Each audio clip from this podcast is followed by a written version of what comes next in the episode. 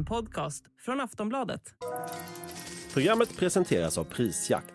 Jämför produkter, priser och butiker.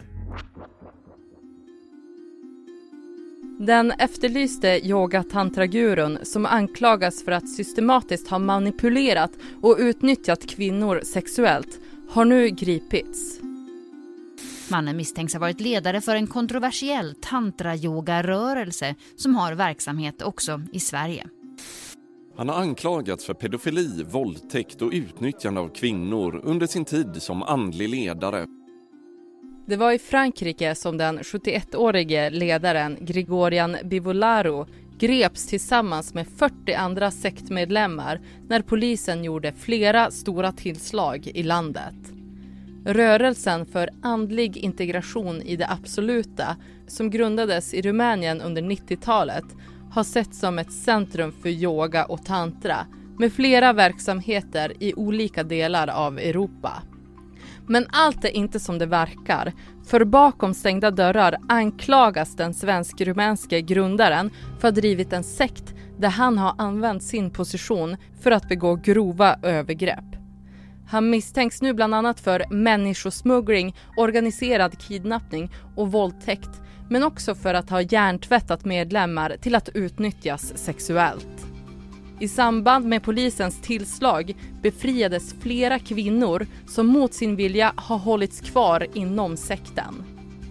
Så vem är den här spirituella ledaren? Vad har han utsatt medlemmarna för? Och vad kommer att hända med tantrasekten? Det ska vi prata om i det här avsnittet av Aftonbladet Daily. Mitt namn är Ellen Lundström. Gäst är Teresa Küchler, Svenska Dagbladets korrespondent i Bryssel som bland annat bevakar Frankrike. Teresa, kan du börja med att beskriva den här kontroversiella ledaren? Ja, den här Grigorian Bivolaru, han eh, är lite på ett sätt nästan karikatyrisk, så här klassisk eh, sektledare eller guru eller eh, liksom spindeln i nätet för manipulativa grupper. Han, är liksom, han har en stor utstrålning, eh, mycket så här, han är säkert väldigt attraktiv för väldigt många kvinnor. Han har då liksom skaffat sig, eh, som vanligt, eh, ett, främst kvinnor i då sin, som, som sina anhängare. Och enligt ja, det som han är anklagad för så har han liksom precis som så gott som alla andra sektledare man talas om utnyttjat då sin position som, som liksom stjärna i toppen av, av hierarkin för att eh, tillförskansa sig ja, sex och att begå eh, sexuella övergrepp. Vad är det för verksamhet som han har hållit i? Det beror lite på vem man frågar. Om man, om man frågar åklagaren så småningom som ska driva det här fallet så så har han liksom ägnat sig åt eh, sexuellt utnyttjande av, av kvinnorna eh, som har då eh, tillhört hans rörelser. Han har ägnat sig åt trafficking, han har ägnat sig åt hjärntvätt. I Frankrike finns det ett brott som heter utnyttjande av liksom svag ställning. Det är väl lite det som är hjärntvätt kan jag tänka mig i definitionen.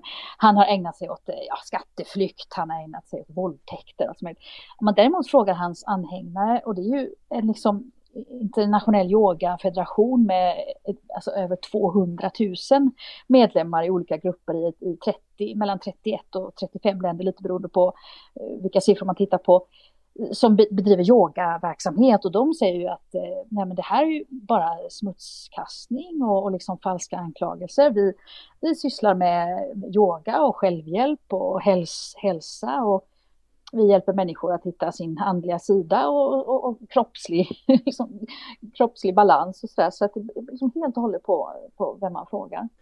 Men är det så att eh, den här yogan kan ha använts som en täckmantel? Ja, det är väl det som liksom alla indicier här pekar på, liksom, att han, han har byggt upp eh, ett slags yoga-imperium då som finns i, inte bara i Europa utan på flera kontinenter, finns i Thailand, finns i Indien. Han har liksom adepter och anhängare i flera olika länder. Han, alltså han har då använt de där resortsen och såna yoga-retreats och kvinnor som framförallt varit intresserade av att ta, ta, reda på mer, att han använt sig av, av sina liksom, yogaverksamheter för att då få tillgång till kvinnor att förgripa sig på, men också för att utnyttja för att få in pengar till sig själv och sin rörelse. Alltså, man tror att han har tvingat kvinnor att eh, både prostituerat sig, många, många kvinnor säger, vittnen säger att de har tvingats att eh, jobba på liksom, massagesalonger som egentligen var förtäckta bordeller. Eller att de har varit tvungna att spela in eh, videoporr som har som har då liksom gått ut så här videosexchattar men också spelat in pornografi som har då sen har sålts i framförallt Tjeckien och Ungern tror jag, eh, om jag minns rätt. Och liksom, så att på något sätt så misstanken är ju att han har använt den här yogafasaden till att eh, få tillgång till kvinnor att förgripa sig på. Han fick ju permanent uppehållstillstånd i Sverige 2005 och bosatte sig i Karlskrona. Vad har rörelsen haft för verksamheter här i Sverige? Ja, det här tycker jag är en jätteintressant del av den här liksom härvan som egentligen då har pågått sedan 90-talet med den här Bivolaro och hans verksamheter först i Rumänien och sen runt om i Europa. Han, han flydde från Rumänien när han åtalades där 2004. Han åtalades för sexuellt umgänge med minderårig, skatteflykt och lite andra åklagelser. Då flydde han till Sverige. Här så fick han snabbt då eh, anhängare som startade såna här yogaskolor med hans liksom filosofi eh, bakom.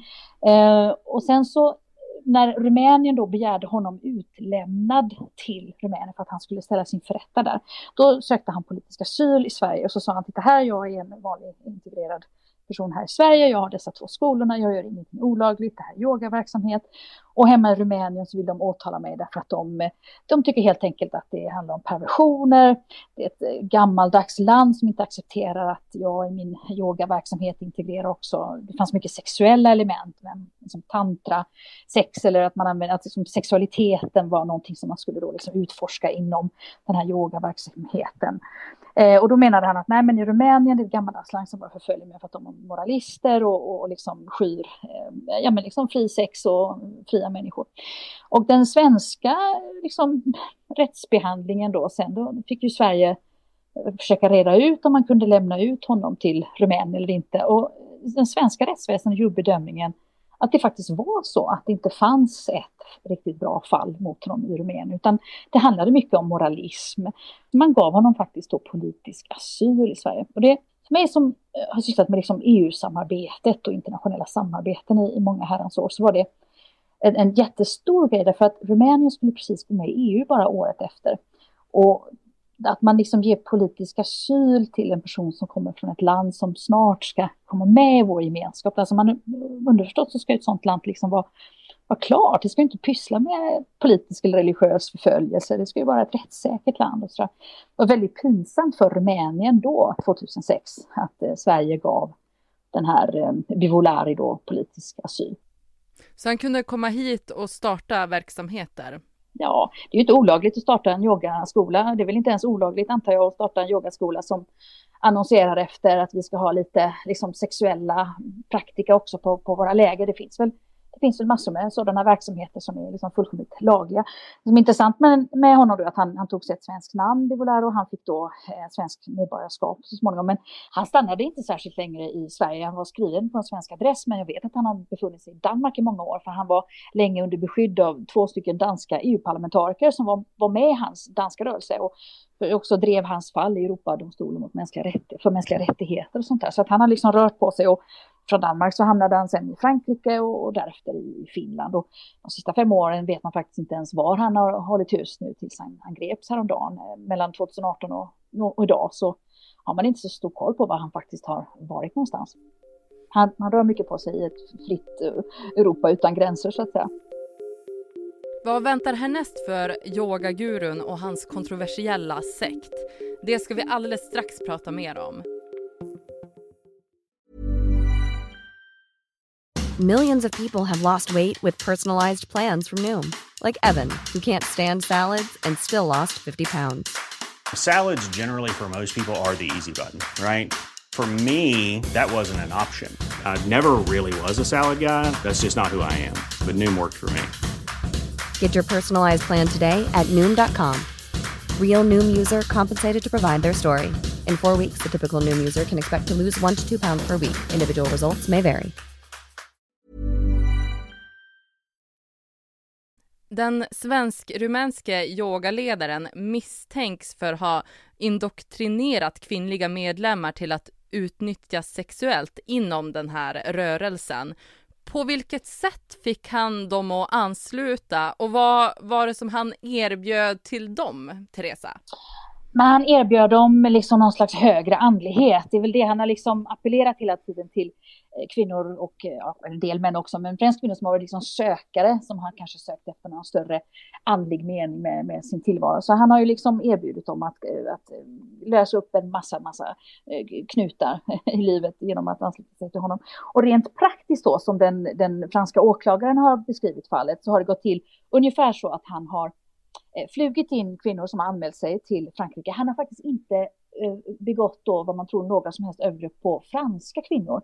Det har inte kommit in några anmälan från franska kvinnor i Frankrike. Han har liksom, man tror att han har vetat om att han ska hålla sig undan rättvisan i det landet han vill uppehålla sig så att säga. Så att han har liksom flugit in utländska kvinnor, jag menar, han har ju de här tentaklerna, han har ju verksamheter i över 30 länder. Så självklart har han ett nätverk med folk som säger att ja, men du ska åka till våran spirituella ledare i Paris. Och så har de flugits in. De har genast blivit fråntagna sina pass, de här kvinnorna. De har körts med alltså, nästan så här spionfilmsaktig så här papperspåse över huvudet liksom i, med, med chaufför från flygplatsen in till antingen en villa som eh, Bifolaro hade tillgång till utanför Paris eller till en ungkarlslya i centrala Paris som han hade tillgång till. Och där ska de då under ett tiotal dagar ungefär ha blivit liksom utsatta för någon slags initieringsrit. där Man har, han har liksom successivt försökt liksom, med, genom mentala tekniker, hjärntvättstekniker, hur, hur det nu går till, som klär av dem eh, motståndsvilja. Eh, svälter de är ett väldigt vanligt sätt. En människa som inte sover eller äter är oftast eh, mottaglig för, för liksom, alltså man blir knäpp i skallen om man inte sover och äter till slut och då är man väldigt, väldigt mottaglig för att kunna bli nedbruten. Och sen att de då får ha sex med honom på, på de sätt som, som han vill. Och det ska då handla om ganska, ganska grovt sex där liksom allt eh, samtycke har liksom upphört att eh, existera. Det, man har liksom arbetat bort det. Vid tillfället för gripandet då häromdagen, där 175 franska poliser samtidigt slog till på massor med ställen i, i hela Frankrike, då, då ska det vara 26 kvinnor som uppehöll sig då i den här villan eh, utanför norr om Paris. Polisen har berättat att det var ganska dålig hygien och ganska fruktansvärda scener. Den där ungkarlslyan var, var väldigt smutsig och äcklig och luktade och det hade varit eh, tjejer som hade liksom gått i rullande band, som löpande band in och ut i den lägenheten.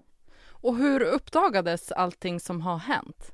Men det som hände var att Frankrike har en, en väldigt, väldigt aktiv eh, organisation ända sedan 70-80-talet som, hand, som handlar just om att spåra upp sekter mycket möjligt att det hände, det var många sekter på 70 och 80-talet och då bildades sådana här organisationer som var kända verksamheter och de får statliga pengar för att liksom hjälpa människor som har fastnat i sekter och hjälpa de anhöriga. Och vad som hände var att 12 stycken före detta medlemmar eh, gick till en särskild åklagare eller en särskild enhet kan man säga som pysslar med just liksom hjärntvätt och sektverksamhet. Och så via den här organisationen så har de, deras vittnesmål då förts fram och, och, och då nått en eh, åklagare. Dessutom så har sex stycken kvinnor i Finland också gått till ja, motsvarande enheter och så enligt det finska polisväsendet, rättsväsendet. Och eh, jag har berättat ungefär samma slags historier om liksom eh, ganska snabb nedbrytning, hjärntvätt och sexuella grova övergrepp. Och det var också faktiskt Finland som la ut en sån här Interpol-efterlysning. Så att det har funnits liksom i flera länder så har börjat historierna, liksom, det börjar bli en hög med historier och de, börjar, och de liknar varandra väldigt mycket. Och då har man ju som åklagare en indiciekedja från flera olika länder till och med som tyder på att det här måste vara sanna berättelser på ungefär hur det har gått till. Och det var ju 40 medlemmar som greps tillsammans med ledaren. Vad har personer inom rörelsen sagt om de här anklagelserna? Idag så ligger det på att man yogas eh, hemsida så ligger det ett jättelångt pressmeddelande där man upprepar i stort sett vad man har sagt i 20 år. Att det här är an falska anklagelser. Det här är anklagelser för religiös förföljelse. Det är folk som inte accepterar den här livsstilen, den här livsfilosofin den här liksom sexuella praktiker och så vidare. De säger också att, rörelsen säger också att de inte kan ta ansvar som internationell jättefederation med yogautövare, ta ansvar för vad enskilda ledare gör. Och det är lite det man, om man tittar på vad som har hänt av de här 40 personer som har gripits tillsammans med Bivolari, många av dem är ju själva enskilda liksom yogalärare, yogaledare. Och sen så säger man också att många Eh, att vittnen som har klivit fram har blivit antingen torterade av det rumänska, rumänska polis eller underrättelsetjänst eller tvingade på andra sätt. Man går tillbaka till de här anklagelserna som fanns då för ett 20-tal år sedan om att det rumänska rättsväsendet inte, inte riktigt okej, okay, inte riktigt kanske är sådär neutralt och effektivt kanske som en modern rättsstat ska, rättsväsendet i en modern stat ska ha. Återigen då, jag som sagt, jag läste de här utredningarna då 2006 och då var det faktiskt sant. Så det, är liksom, det är svårt att, det är svårt att liksom ta den här historien bara som historien om en fruktansvärd predator, som ett rovdjur som har betett sig illa mot kvinnor. Det finns också liksom element av just att Alltså gruppsex, tantra, yoga, snusk. Det är, liksom, det är klart att det finns möjlighet att exploatera det också om man nu vill liksom kanske väcka upprördhet för att vinna politiska poäng eller liksom peka ut någon som omoralisk och så vidare. Vad väntar nu härnäst för både sekten och för Gregorian Bivolaro? Ja, han kommer troligtvis eh, på äldre dagar att sitta i fängelse. Det tror jag vi kan vara säkra på. Indiciekedjan mot honom är så pass stark och som så många olika länder. Däremot är frågan var. Jag menar, Finland har begärt honom utlämnad för att åtalas där. Han har gripits i Frankrike och har haft en massa verksamheter där. Det är där också vittnesmålen är högkvarteret för hans eh, yogarörelse ligger faktiskt i London. Eh, han har också liksom verksamheter i Danmark, i Thailand, i Indien. Det är liksom väldigt svårt att veta vad som kommer att hända och vilka som kommer att innefattas i alla dessa åtal. Det kan ju vara några ruttna äpplen som man säger mitt i högen med liksom enskilda sådana här ashram kallas de, yogaskolor, där de här begrepp, begreppen har begåtts. Medan det kanske finns massor med sådana här trevliga yogaretreater där det inte alls pågår några övergrepp. Det är ju en sån enorm rörelse idag. Så att han kommer nog att eh, sitta på vatten och bröd så gott som tills han eh, dör nästan. Däremot vad som händer med hans yogaimperium, ja, det, det är en svår fråga. Men vetligen så finns liksom skolan i Karlskrona eh, kvar. Och vem som vill får, kan ju liksom följa hans eh, filosofier och starta en ny skola i, i, hans namn. Det är inte olagligt liksom. Men honom, jag tror inte att han kan begå fler övergrepp. Om, om, man, om anklagelserna mot honom stämmer så så är det i alla fall slut på det beteendet nu tror jag. Det säger Teresa Kyschler, Svenska Dagbladets korrespondent i Bryssel. Jag heter Ellen Lundström och du har lyssnat på Aftonbladet Daily. Vi hörs snart igen. Cool fact a crocodile can't stick out its tongue. Also, you can get health insurance for a month or just under a year in some states. United Healthcare short term insurance plans, underwritten by Golden Rule Insurance Company, offer flexible, budget friendly coverage for you. Learn more at uh1.com. Du har lyssnat på en podcast från Aftonbladet. Ansvarig utgivare är Lena K Samuelsson. Tired of ads barging into your favorite news podcasts? Good news. Ad-free listening is available on Amazon Music for all the music plus top podcasts included with your Prime membership.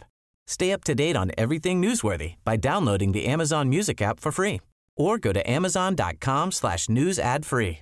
That's amazon.com slash news ad free to catch up on the latest episodes without the ads.